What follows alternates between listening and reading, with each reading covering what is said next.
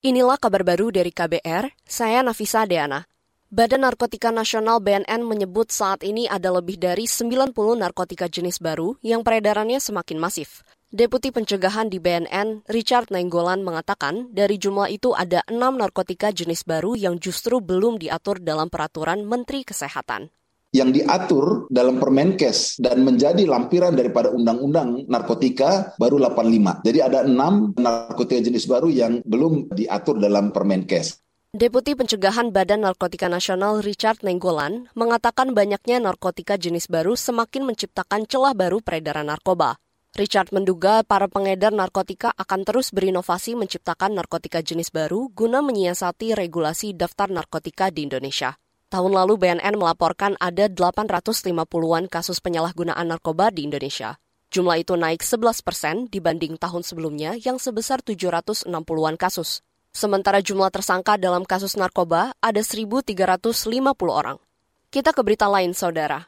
Pengadilan Tinggi DKI Jakarta memutuskan tetap menjatuhkan hukuman penjara seumur hidup untuk bekas Kapolda Sumatera Barat Teddy Minahasa dalam kasus penyalahgunaan bahan bukti narkotika. Putusan banding tersebut disampaikan pada sidang di Pengadilan Tinggi Negeri DKI Jakarta yang digelar secara terbuka hari ini. Selain menolak banding hukuman Teddy Minahasa, Ketua Majelis Hakim Pengadilan Tinggi DKI Jakarta, Sirande Malayukan, juga menyebut pengadilan memerintahkan terdakwa kasus jual beli narkoba Teddy Minahasa tetap ditahan dan membayar biaya pengadilan sejumlah Rp5.000. Menguatkan putusan Pengadilan Negeri Jakarta Barat nomor 96 Pitsus 2023 dari PEN Jakarta Barat tanggal 9 Mei 2023 yang dimintakan banding tersebut. Menetapkan terdakwa tetap dalam tahanan. Membebankan terdakwa untuk membayar biaya perkara dalam kedua tingkat pengadilan yang untuk tingkat banding sejumlah Rp5.000.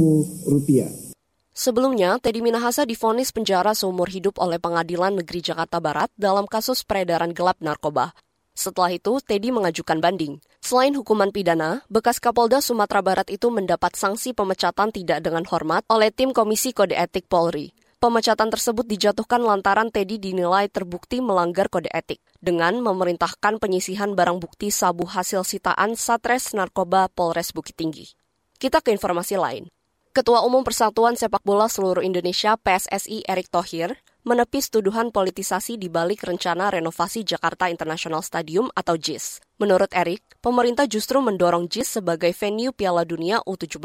Oleh sebab itu, perlu dilakukan sejumlah perbaikan agar Stadion JIS lolos inspeksi FIFA sebagai Stadion Piala Dunia. Nah, jadi yang saya berharap jangan ini ya jadi polemik seakan-akan politik. Enggak, ini kita ingin mendorong makin banyak stadium yang standar FIFA ketika ada pertandingan FIFA supaya FIFA bisa memilih. Ketua Umum PSSI Erick Thohir menambahkan, ada 6 atau 8 lapangan yang diajukan untuk U17 termasuk JIS.